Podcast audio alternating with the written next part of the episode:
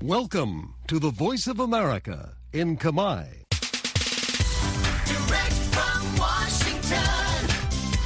the voice of America, VOA. សួស្តីអស់លោកអ្នកស្ដាប់ជាទីមេត្រីនៅក្នុងកម្មវិធីផ្សាយតាមវិទ្យុរបស់ VOA នៅព្រឹកថ្ងៃអង្គារទី20ខែកុម្ភៈឆ្នាំ2024នេះខ្ញុំហុងចិន្តានិងសហការីក្រុមផ្សាយជាខេមរៈភាសានៃ VOA សូមស្វាគមន៍អស់លោកអ្នកស្ដាប់ពីរដ្ឋធានី Washington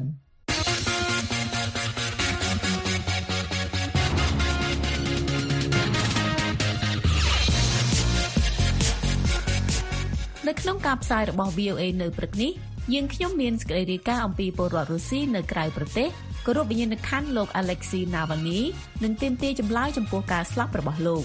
អ្នកកាន់ទុកត្រូវបានចាប់ខ្លួនដោយសារដាក់ផ្កាគោរពវិញ្ញាណក្ខន្ធលោក Navalny ដែលជាមេដឹកនាំប្រឆាំងនៅរុស្ស៊ីធនាគារពិភពលោកជំរុញឲ្យកម្ពុជាបង្កើនការចំណាយលើសេវាសង្គមដើម្បីលើកកម្ពស់វិស័យអប់រំនិងសុខាភិបាលនិងសេចក្តីរាយការណ៍អំពីគណៈបកជំទាស់ពីរខ្វែងគំនិតគ្នាលើការបែងចែកមណ្ឌលគ្នាចូលឈ្មោះសម្រាប់ការបោះឆ្នោតប្រសិទ្ធភាព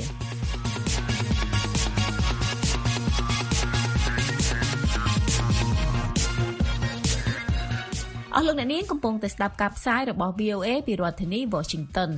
ពលរដ្ឋរុស្ស៊ីនៅក្រៅប្រទេសជុំវិញពិភពលោកបានប្រមូលផ្ដុំគ្នាដើម្បីគោរពវិញ្ញាណក្ខន្ធមេដឹកនាំគណៈបកប្រឆាំងធំជាងគេបង្អស់នៅរុស្ស៊ី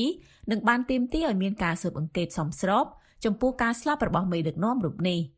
VOA ផ្សាយជាភាសាអង់គ្លេសរាយការណ៍អំពីរឿងនេះពីទីក្រុង Los Angeles សហរដ្ឋអាមេរិកហើយលោកពិនស៊ីសវណ្ណជួនសេចក្តីប្រែសម្រួលដូចតទៅ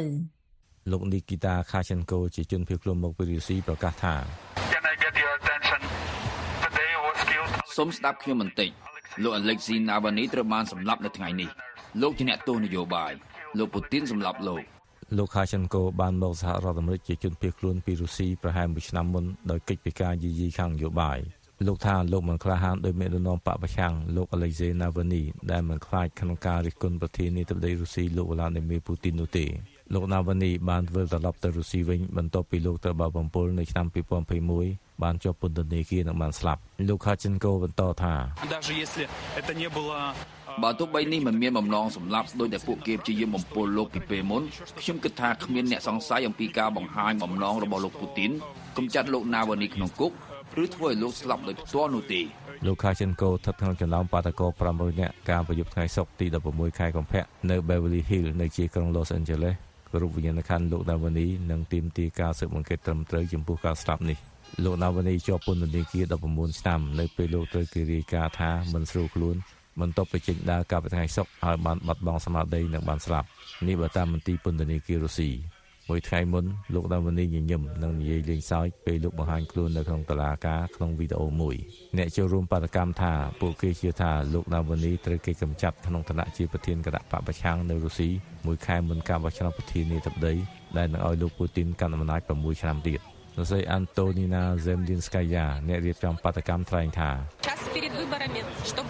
ពួកគេចង់បង្កអស្ថិរភាពដល់គណៈបកប្រឆាំងធ្វើឲ្យពួកយើងគាំងកុំឲ្យពួកយើងបន្តជំរុញឲ្យពលរដ្ឋបោះឆ្នោតប្រឆាំងលោកពូទីនគេឲ្យយើងធ្លាក់ដៃចុះនិងមិនអាចបន្តប្រយុទ្ធពីព្រោះចំពោះមនុស្សជាច្រើនលោកអាឡិចស៊ីជាក្តីសង្ឃឹមធ្វើឲ្យរុស្ស៊ីប្រសើរឡើង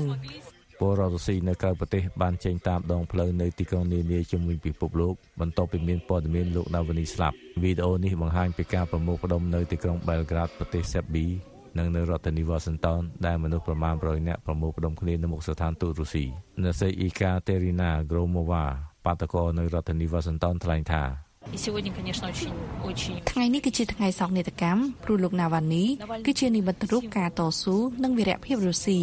លោកជាបុគ្គលម្នាក់ដែលអាចនិយាយថាពិតណាស់រុស្ស៊ីកំពុងតតាំងហើយមិនសម្របតាមរបបដឹកនាំនោះទេលោកអូលេស៊ីប៉ូស្គីបាតកោនៅទីក្រុង Los Angeles ថាការស្លាប់របស់លោកណាវ៉ានីពិតជាប៉ះពាល់អារម្មណ៍ពលរដ្ឋរុស្ស៊ីជាច្រើន He always had his sense of humor he always was smiling even in the hardest time គាត់តែងតែលេងសើចញញឹមសូម្បីក្នុងពេលលំបាកក៏ដោយនេះជាអ្វីដែលជំរុញចិត្តខ្ញុំ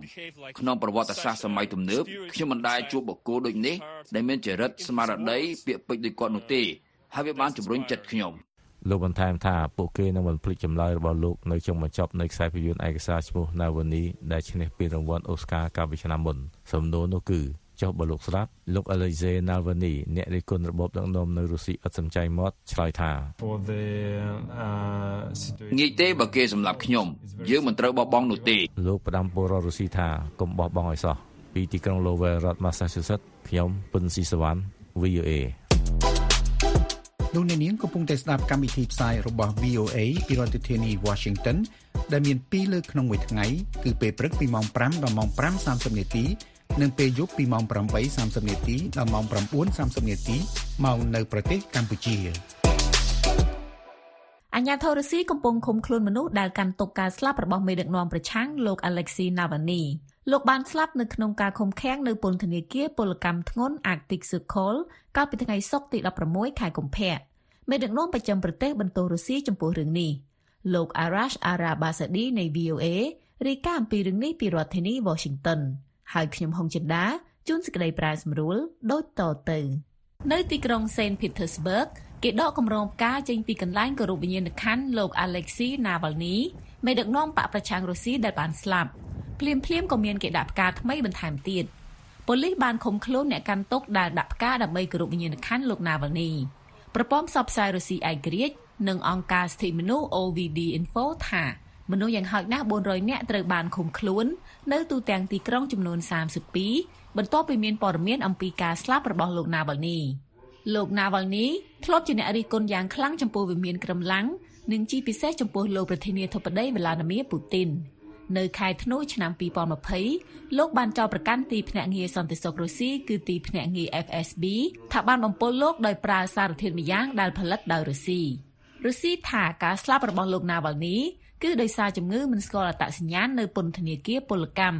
ដែលលោកត្រូវជាប់19ឆ្នាំមេដឹកនាំប្រចាំប្រទេសមិនជឿទេប្រធានាធិបតីសហរដ្ឋអាមេរិកលោកโจ Biden បានថ្លែងថា make no mistake លោកពូទីនត្រូវទទួលខុសត្រូវចំពោះការស្លាប់របស់លោក Navalny អ្វីដែលបានកើតឡើងចំពោះលោក Navalny ជាផុសតាងបន្ថែមអំពីអំពើឃោរឃៅរបស់លោកពូទីន គ្មាននរណាម្នាក់គួរជឿទេ មិនថានៅរុស្ស៊ីនៅអាមេរិកនិងនៅទីណាទេកាលពីពេលថ្មីថ្មីនេះអតីតប្រធានាធិបតីលោក Donald Trump បានប្រាប់អ្នកគាំទ្រថាបើជាប់ឆ្នោតម្ដងទៀតលោកនឹងលើកទឹកចិត្តឲ្យរុស្ស៊ីធ្វើអ្វីដែលខ្លួនចង់ចំពោះសមាជិកអង្គការអូតង់ដែលលោកយល់ថាមិនចំណាយប្រាក់គ្រប់គ្រាន់លើការការពារលោក Trump នៅតែជាបេក្ខជននាំមុខគេរបស់គណៈបកសាធារណរដ្ឋដើម្បីប្រជែងយកតំណែងប្រធានាធិបតី លោកមិនទាន់អត្ថាធិប្បាយអំពីការស្លាប់នេះនៅឡើយទេអ្នកស្រី Nikki Haley បេក្ខជនឈរឈ្មោះប្រធានាធិបតីខាងគណៈបកសាធារណរដ្ឋថ្លែងថា When you hear Donald Trump say in South Carolina a week ago that he would encourage នៅពេលលោកត្រាំថ្លែងថាលោកនឹងលើកទឹកចិត្តលោកពូទីនឲ្យឈ្លានពានសម្ព័ន្ធមិត្តប្រសិនបើពួកគេមិនបង្កើនថវិកាទេនោះ វាជារឿងដ៏រំខានពីព្រោះអ្វីដែលលោកធ្វើគឺផ្ដល់អំណាចដល់លោកពូទីនអ្វីដែលលោកធ្វើគឺឈរនៅខាងអ្នកដែលសម្លាប់គូប្រជែងនយោបាយរបស់លោកឈរនៅខាងក្រុមចៅដែលចាប់អ្នកកសែតអាមេរិកនិងការពារអ្នកដែលចង់និយាយប្រាប់ប្រជាជនរុស្ស៊ីថាកុំប្រជែងនឹងខ្ញុំនៅក្នុងការបោះឆ្នោតលើកក្រោយបើមិនដូច្នោះទេអ្នកនឹងមានវាសនាអញ្ចឹងដែរ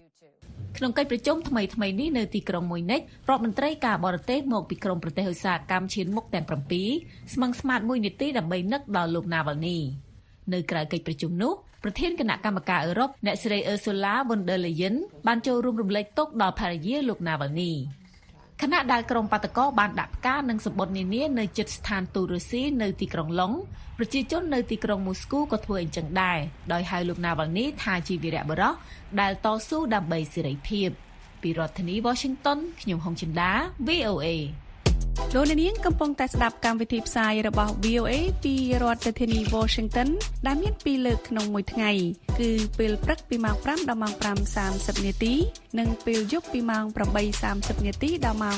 9:30នាទីម៉ោងនៅប្រទេសកម្ពុជារបាយការណ៍ថ្មីរបស់ធនាគារពិភពលោកបានរកឃើញថាការបង្កើនថវិកាចំណាយរបស់រដ្ឋាភិបាលកម្ពុជាក្នុងការដំឡើងប្រាក់បៀវត្សជូនមន្ត្រីរាជការទូទៅ មិនទាន់អាចប្រែក្លាយផលការងារឲ្យកាន់តែប្រសើរនៅឡើយទេ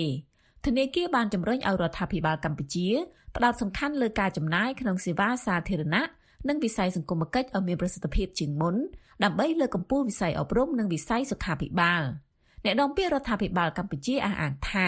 ការដំឡើងប្រាក់បៀវត្សគឺដើម្បីធ្វើឲ្យប្រសិទ្ធភាពការងារល្អប្រសើរហើយរដ្ឋាភិបាលកម្ពុជាក៏តែងតែយកចិត្តទុកដាក់លើការពង្រឹងគុណភាពអប់រំនិងសុខាភិបាលផងដែរ លោកសឹមច័ន្ទសំណាងរាយការណ៍ឲ្យ VOA ពីរាជធានីភ្នំពេញដូចតទៅ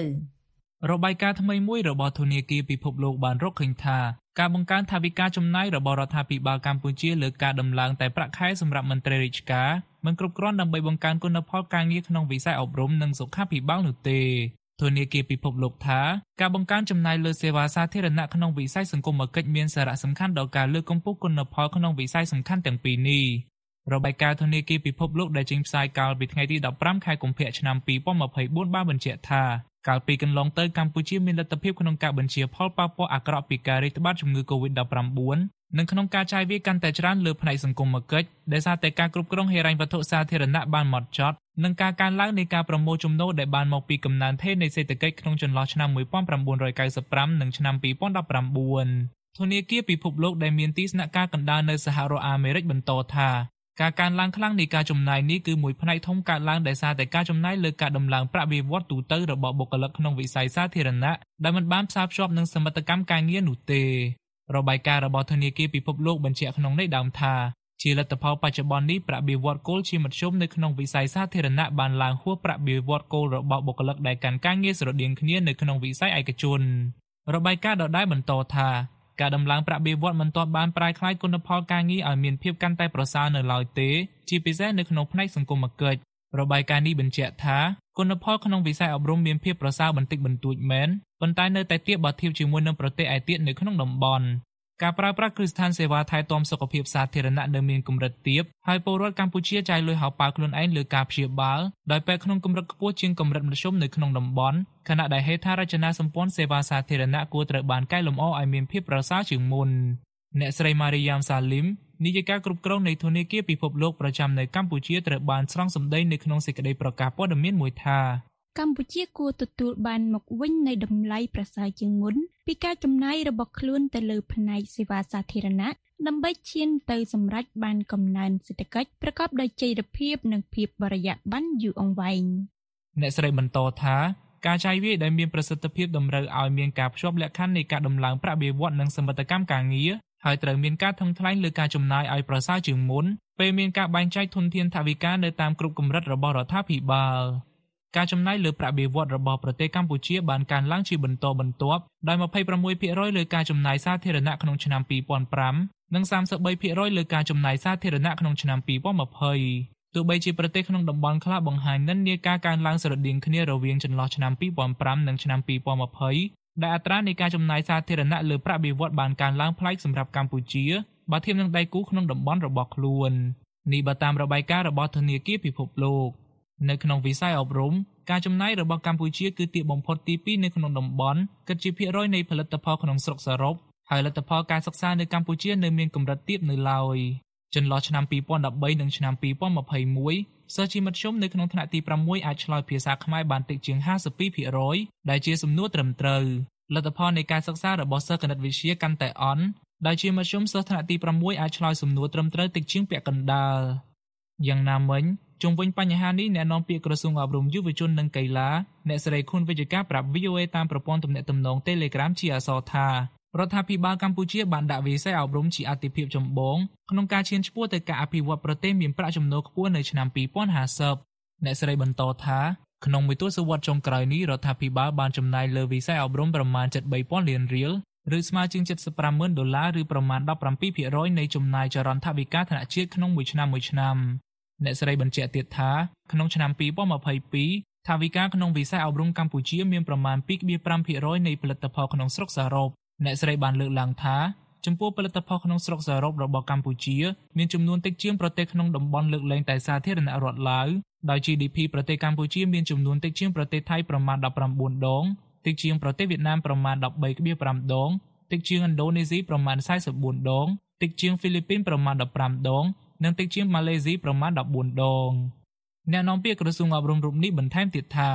ដើម្បីលើកកម្ពស់គុណភាពអប់រំនិងជីវភាពគ្រូបង្រៀនប្រាក់បៀវត្សអបបរមារបស់គ្រូបង្រៀនកម្រិតបឋមសិក្សាត្រូវបានដំឡើងពី55ម៉ឺនរៀលនៅក្នុងឆ្នាំ2014ទៅដល់80ម៉ឺនរៀលនៅក្នុងឆ្នាំ2016នឹងបន្តកើនឡើងដល់ចំនួន1.24លានរៀលនៅឆ្នាំ2020និង1.4លាននៅក្នុងឆ្នាំ2023ដែលបង្ហាញពីការយកចិត្តទុកដាក់និងអតិភិបរបស់រដ្ឋាភិបាលលើវិស័យអប់រំ បើតាមអ្នកស្រីខួនវេជ្ជកាបច្ចុប្បន្នបុគ្គលិកអប់រំមានចំនួនជាង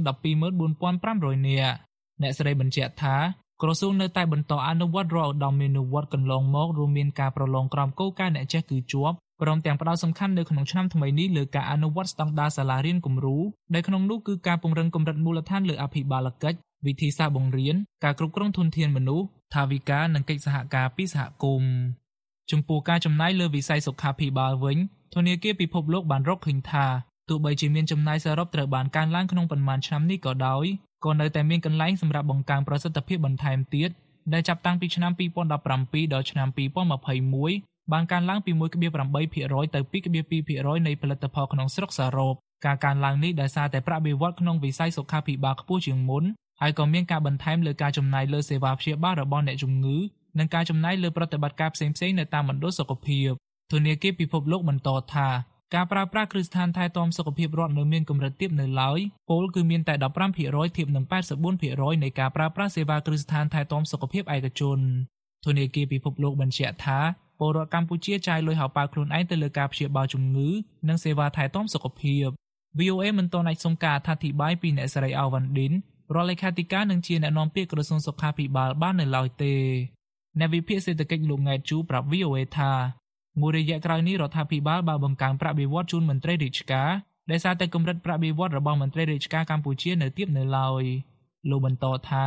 ការបង្កើនថវិកាចំណាយនានាគឺរដ្ឋាភិបាលតែងតែធ្វើតាមដំណាក់កាលដែលពឹងផ្អែកលើចំណូលជាតិនិងធ្វើកម្ចីមួយចំនួនផងដែរ តកតងជាមួយនឹងកម្រិតបៀវត្សដែលបានដំឡើង ជាបន្តបន្ទាប់សង្ឃឹមថារដ្ឋាភិបាលនឹងនៅបន្តផ្ដល់អាទិភាពនៅក្នុងការដំឡើងកម្រិតបៀវត្សជូនរាជការដើម្បីបង្កើនប្រសិទ្ធភាពការងារខ្ញុំក៏ចង់សូមបញ្ជាក់ដែរថាការបង្កើនប្រាក់បៀវត្សតែមួយមុខក៏មិនអាចបង្កើនប្រសិទ្ធភាពការងារដែរប៉ុន្តែក៏ជាការចាំបាច់ត្រូវមានវិធានការផ្សេងផ្សេងទៀតបាទដូចជាការគ្រប់គ្រងបុគ្គលិកនិងរបស់រដ្ឋនឹងឲ្យមានភាពត្រឹមត្រូវមានតម្លាភាពអីជាដើមបាទលោកបញ្ជាក់ទៀតថាដើម្បីពង្រឹងលើការប្រើប្រាស់សេវាសាធារណៈឲ្យកាន់តែមានប្រសិទ្ធភាពលុះត្រាតែផ្ដោតសំខាន់លើការបម្រើសេវាកម្មជូនប្រជាពលរដ្ឋឲ្យបានត្រឹមត្រូវក៏ដូចជាការពិនិត្យលើការបំពេញការងារនិងការទទួលខុសត្រូវរបស់មន្ត្រីរាជការម្នាក់ៗពេលបំពេញតួនាទីរបស់ខ្លួនលោកហុងវណ្ណៈអ្នកជំនាញសេដ្ឋកិច្ចនៃវិទ្យាស្ថានទំនាក់ទំនងអន្តរជាតិនៃរាជបណ្ឌិតសភាកម្ពុជាយល់ឃើញថាការដំឡើងប្រាក់បៀវត្សជូនមន្ត្រីរាជការមិនបានធ្វើឲ្យរាំងស្ទះវិស័យណាមួយឡើយនៅក្នុងប្រទេស ដោយឡែកលោកថាបើនិយាយពីបញ្ហាសេដ្ឋកិច្ចគឺដោយសារតែការកើនឡើងនៃអតិផរណាដែលជាបន្ទុកមួយសម្រាប់មន្ត្រីរាជការដូច្នេះការបន្ថែមប្រាក់បៀវត្សជូនមន្ត្រីរាជការគឺដើម្បីសម្រួលបន្ទុកនោះនិងរួមចំណែកធ្វើឲ្យចរន្តសេដ្ឋកិច្ចក្នុងសង្គមដំណើរការជាធម្មតា អញ្ចឹងទាំងអស់នោះបើយើងវិភាគទៅលើទស្សនវិជ្ជាសេដ្ឋកិច្ចខ្ញុំយល់ឃើញថាល្អវិញទេបាទដោយសាររដ្ឋាភិបាលយើងបាន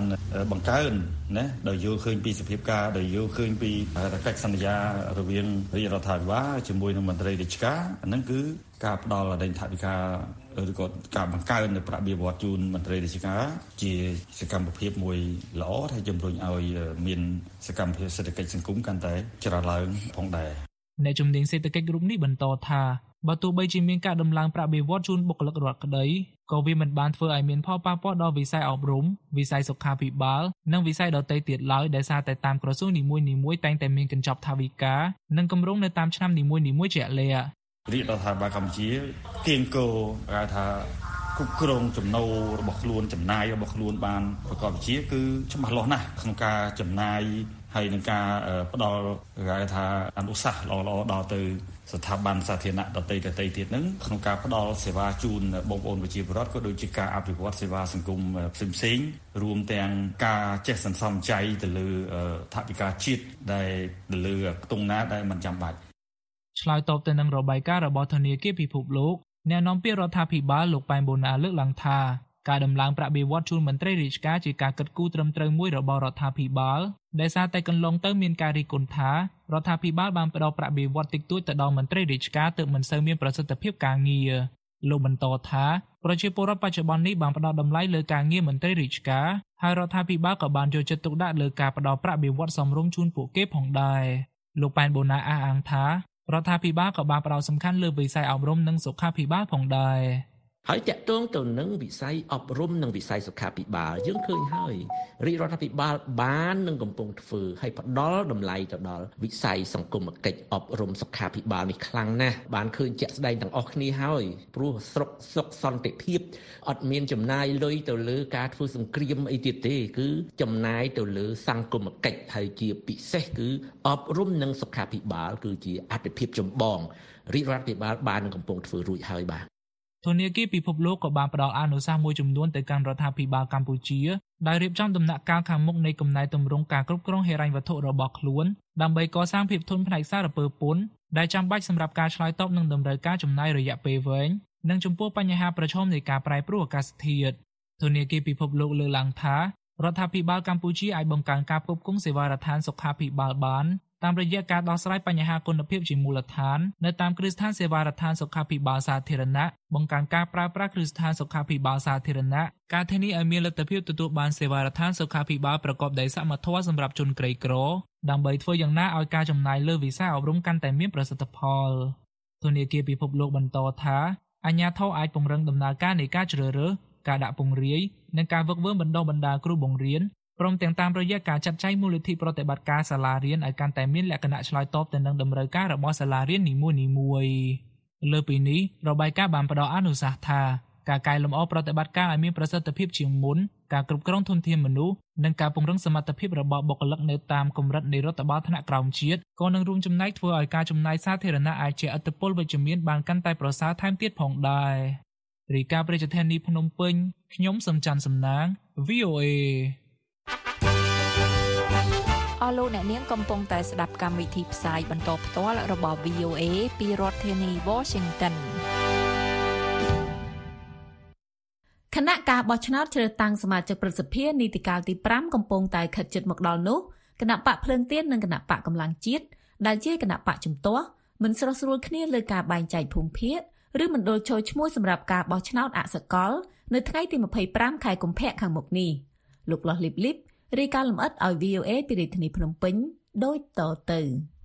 គណៈបកភ្លើងទៀននិងគណៈបកកម្លាំងជាតិដែលជាគណៈបកជំទាស់បន្តខ្វែងគំនិតគ្នាក្រោយបរាជ័យក្នុងជំនួបចរចាមួយដើម្បីបែងចែកភូមិភាគដល់បេក្ខជនឈរឈ្មោះសម្រាប់ការបោះឆ្នោតប្រសិទ្ធភាពនាថ្ងៃទី25ខែកុម្ភៈគណៈបកភ្លើងទៀនដែលមានអង្គបោះឆ្នោតជាង2000នាក់នោះបានលើកឡើងថាការចរចាបែងចែកភូមិភាគដែលមានចំនួនសរុប8នេះគឺហួសពេលឬយឺតយ៉ាវចំណែកគណៈបកកម្លាំងជាតិដែលជាគណៈបកថ្មីថ្មោងចាត់ទុកថាមានដឹកនាំគណៈបកភ្លើងទៀនគ្មានឧត្តមកតេ ភាពប្រទីនប្រទងគ្នារវាងគណៈបកនៅក្រៅរដ្ឋាភិបាលទាំងពីរនេះកើតឡើងបន្ទាប់ពីគណៈបកភ្លើងទៀនដែលជាគណៈបកប្រឆាំងដ៏ធំក្នុងប្រទេសមួយនៅតែខកខានមិនអាចចូលរួមប្រគល់ប្រជែងការបោះឆ្នោតជ្រើសតាំងសមាជិកប្រសិទ្ធភាពអាណត្តិទី5នាថ្ងៃទី25ខែកុម្ភៈខាងមុខនេះបានព្រោះគណៈបកមិនមានឯកសារគ្រប់គ្រាន់ក្នុងការចុះបញ្ជីឈ្មោះគណៈបកនិងបញ្ជីឈ្មោះបេក្ខជននៅគណៈកម្មាធិការជាតិរៀបចំការបោះឆ្នោតគណៈបកភ្លើងទៀនបានចេញលិខិតមួយកាលពីថ្ងៃទី12ខែកុម្ភៈដោយបង្ហាញលទ្ធផលនៃជំនួបជាមួយគណៈបកកម្លាំងជាតិនោះថា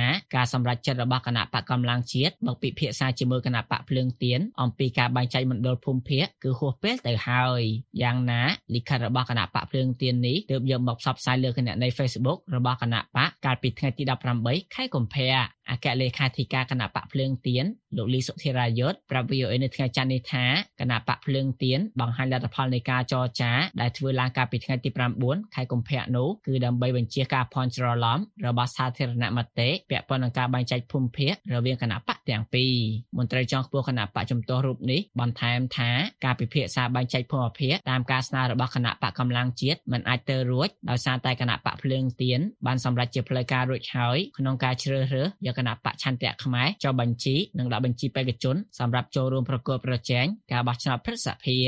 គណៈបកភ្លើងទៀនយល់ឃើញថាការសម្រេចចិត្តមកពិភាក្សាជាមួយនឹងគណៈបកភ្លើងទៀនអំពីការបែងចែកមណ្ឌលភូមិភាគគឺមានភាពយឺតយ៉ាវមានភាពយឺតយ៉ាវមែនទែនបន្ទាប់ពីគណៈបកភ្លើងទៀនបានសម្រេចជាស្ថាពររួចហើយថាបានជ្រើសរើសយកគណៈបកក្នុងសម្ព័ន្ធភាពឆ្ពោះទៅអនាគតគឺគណៈបកឆន្ទៈខ្មែរនេះហើយឆ្លើយតបទៅនឹងមតិមួយចំនួនដែលលើកឡើងថានៅពេលមិនមានការបែងចែកភូមិភាគរវាងគណៈបកទាំងពីរអាចប៉ះពាល់លទ្ធផលបោះឆ្នោតរបស់គណៈបកជំទាស់នាពេលខាងមុខនោះលោកលីសុធិរាយុទ្ធអះអាងថាអង្គបោះឆ្នោតរបស់គណៈបកភ្លើងទៀនទាំង2198រូបដែលជាក្រុមប្រឹក្សាគុំសង្កាត់ជាប់ឆ្នោតឆ្នាំ2022គឺជាអ្នកមានភក្តីភាពជាមួយគណៈបកភ្លើងទៀនដូច្នេះសម្លេងគាំទ្ររបស់គណៈបកឆន្ទៈខ្មែរនឹងមានសន្ទុះខ្លាំងនៅពេលបោះឆ្នោត អង្គបោះឆ្នោតរបស់យើងបានស្គាល់បេក្ខជនរបស់យើងអស់ហើយអស់ហើយហើយថែមទាំងបានស្គាល់ពីគណៈបកឆន្ទៈខ្មែរហើយពួកគាត់បានយល់អំពីគណៈបកឆន្ទៈខ្មែរហើយនៅតែបន្តការគ្រប់គ្រងគណៈបកឆន្ទៈខ្មែរហើយនឹងបេក្ខជនរបស់គណៈបកឆន្ទៈខ្មែរហើយបានដឹងថាបេក្ខជនរបស់គណៈបកឆន្ទៈខ្មែរគឺជាអតីតអិសរាជជនកម្ពុជារបស់គណៈបកភ្លើងទៀន បាទតាមលោកលីសុធិរាយុទ្ធគណៈបកភ្លើងទៀនក៏ធ្លាប់ជជែកអំពីការចងសម្ព័ន្ធភាពឆ្ពោះទៅអនាគតជាមួយគណៈបកកម្លាំងជាតិផងដែរប៉ុន្តែមិនទទួលបានជោគជ័យដូចគ្នាដោយឡែកកាលពីសប្តាហ៍មុនអតីតមេដឹកនាំគណៈបកប្រឆាំងដែលកំពុងនៅប្រទេសខ្លួននៅប្រទេសបារាំងលោកសំរាំងស៊ីបានថ្លែងក្នុងបទសម្ភាសន៍មួយជាមួយវិទ្យុអាស៊ីសេរីថាបើគណៈបកជំទាស់ក្នុងស្រុកទាំងពីរមិនស្រស់ស្រួលគ្នាឬធ្វើឲ្យមានការបែកបាក់សម្លេងគ្នានោះគណៈបកតំណាងឲ្យកម្លាំងប្រជាធិបតេយ្យនឹងចាញ់ការបោះឆ្នោត ឥឡូវនេះគេត្រូវរើគ្នាគណៈបកទាំងពីរគេត្រូវរើគ្នាពីភូមិភាគ1ដល់ភូមិភាគ6គឺបេក្ខជនមកពីគណៈបកភ្លើងទៀនសូមអស់បោះឆ្នោតណាដែលជាសមាជិកក្រុមប្រឹក្សាគុំសង្កាត់មកពីគណៈបកភ្លើងទៀនបោះឆ្នោតឲ្យគណៈបកឆន្ទៈខ្មែរ ពពួកគណៈបកភ្លើងទៀនមិនឈរមិនអាចឈរឈ្មោះបានគឺបេក្ខជនគឺឈរក្រោមផ្លាកគណៈបកឆន្ទៈខ្មែរនឹងគឺប្រមូលសម្លេងកុំបែកសម្លេងតែយើងបែកសម្លេងគឺយើងចាញ់ចាញ់ទាំងអស់គណៈបកតំណាងឲ្យកម្លាំងប្រជាធិបតេយ្យចាញ់ទាំងអស់ក្រោយបរាជ័យក្នុងការជជែកបែងចែកមណ្ឌលភូមិភាគសម្រាប់ការបោះឆ្នោតប្រសិទ្ធភាពប្រធានគណៈបកកម្លាំងជាតិលោកសុនចន្ទធីបានចោទមេដឹកនាំគណៈបកភ្លើងទៀនថាគ្មានឧត្តមគតិព្រោះមិនមានការបែងចែកមណ្ឌលចោះឈ្មោះខ្លះឲ្យគណៈបករបស់លោក ខ្លឹមសារលិខិតរបស់គណៈបកភ្លើងទៀនឆ្លុះបញ្ចាំងថាមេដឹកនាំគណៈបកភ្លើងទៀនគ្មានឧត្តមគតិ ពិតប្រកបគ្មានមនសិការពិតប្រកបនៅក្នុងការបង្រួបបង្រួមកម្លាំងអ្នកប្រជាធិបតេយ្យគ្មានឧត្តមគតិគ្មានមនសិការពិតប្រកបក្នុងការជ្រោងទង់ប្រជាធិបតេយ្យនៅកម្ពុជានោះទេបាទលោកបន្ថែមថាការលើកឡើងគឺគេយកហេតុផលថាហួសពេលมันអាចធ្វើកិច្ចការងារនឹងបានទេបាទដូច្នេះការលើកឡើងបែបនេះវាមិនត្រឹមត្រូវទេបាទគ្មានអ្វីដែលអ្នកនយោបាយកែប្រែមិនបានទេបាទមានតែព្រះគម្ពីរធម៌ទេដែលអ្នកនយោបាយមិនអាចកែប្រែបានសំបីតែច្បាប់ សំបីតែរដ្ឋធម្មនុញ្ញក៏អ្នកនយោបាយអាចកែប្រែបានដែរឲ្យតែអ្នកនយោបាយមានឧត្តមគតិក្នុងការធ្វើកិច្ចការងារនឹងពិតប្រាកដបាទប្រធានគណៈបកដែលទើបតែបង្កើតឡើងថ្មីមួយនេះក៏សម្ដែងការសោកស្ដាយចំពោះលទ្ធផលនៃជំនួបនាពេលនេះប៉ុន្តែលោកសង្ឃឹមថាគណៈបកកម្លាំងជាតិនិងគណៈបកភ្លើងទៀននឹងអាចមានជំនួបជាបន្តបន្ទាប់ទៀតក្រោយការបោះឆ្នោតជ្រើសតាំងសមាជិកប្រសិទ្ធភាពនិងបន្តពីគណៈបកភ្លើងទៀនប្រឈមនឹងភាពបរាជ័យជាលើកទី2បើតាមលោកសុនចន្ទធីគណៈបកកម្លាំងជាតិនៅតែរក្សាជំហរធ្វើសកម្មភាពរកសម្លេងគាំទ្រពីអង្គបោះឆ្នោតទាំងអស់សម្រាប់ភូមិភាគ7និងភូមិភាគ8ដោយមានប្តីផ្ដួលទាំងស្រុងលើអង្គបោះឆ្នោតរបស់គណៈបកភ្លើងទៀនថ្ងៃទី25ខែកុម្ភៈខាងមុខគឺជាថ្ងៃបោះឆ្នោតជ្រើសតាំងសមាជិកប្រសិទ្ធភាពដោយអង្គបោះឆ្នោតសរុបចំនួន11747នាក់ដែលជាតំណាងរាស្ត្រក្នុងតំណែងនិងជាសមាជិកក្រុមប្រឹក្សាគុំសង្កាត់ទាំងអស់ក្នុងតំណែងនិងបោះឆ្នោតជ្រើសរើសសមាជិកប្រសិទ្ធភាពចំនួនសរុប62អាសនៈ ការខកខានមិនបានចូលរួមការបោះឆ្នោតថ្នាក់ជាតិឆ្នាំ2023របស់គណៈបកភ្លើងទៀនបានធ្វើឲ្យគណៈបកកណ្ដាលអំណាចដណ្ដើមបានអាសនៈចំនួន120នៅរដ្ឋសភា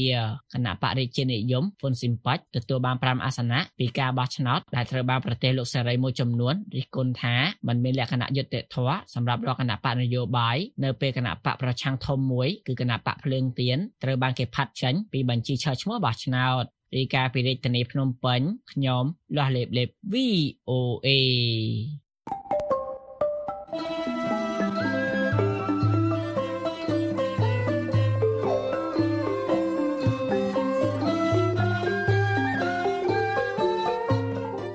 កម្មវិធីផ្សាយរបស់ VOA នៅព្រឹកនេះចប់តែប៉ុណ្ណេះប៉ុន្តែលោកអ្នកនាងនៅអាចស្ដាប់ឬអានព័ត៌មានរបស់ VOA ឡើងវិញបាន តាមរយៈគេហទំព័រខ្មែរ www.voanews.com សំលោកអ្នកនាងរងចាំស្ដាប់សេចក្តីរាយការណ៍ព័ត៌មានជាតិនិងអន្តរជាតិរបស់ VOA នៅក្នុងការផ្សាយបន្តផ្ទាល់របស់យើងខ្ញុំនៅពេលរាត្រីពីម៉ោង8:30ដល់ម៉ោង9:30នាទីតាមរលកវិទ្យុ 25m ត្រូវនឹងកម្រិត11695និង1575 kHz អរុនសួស្តី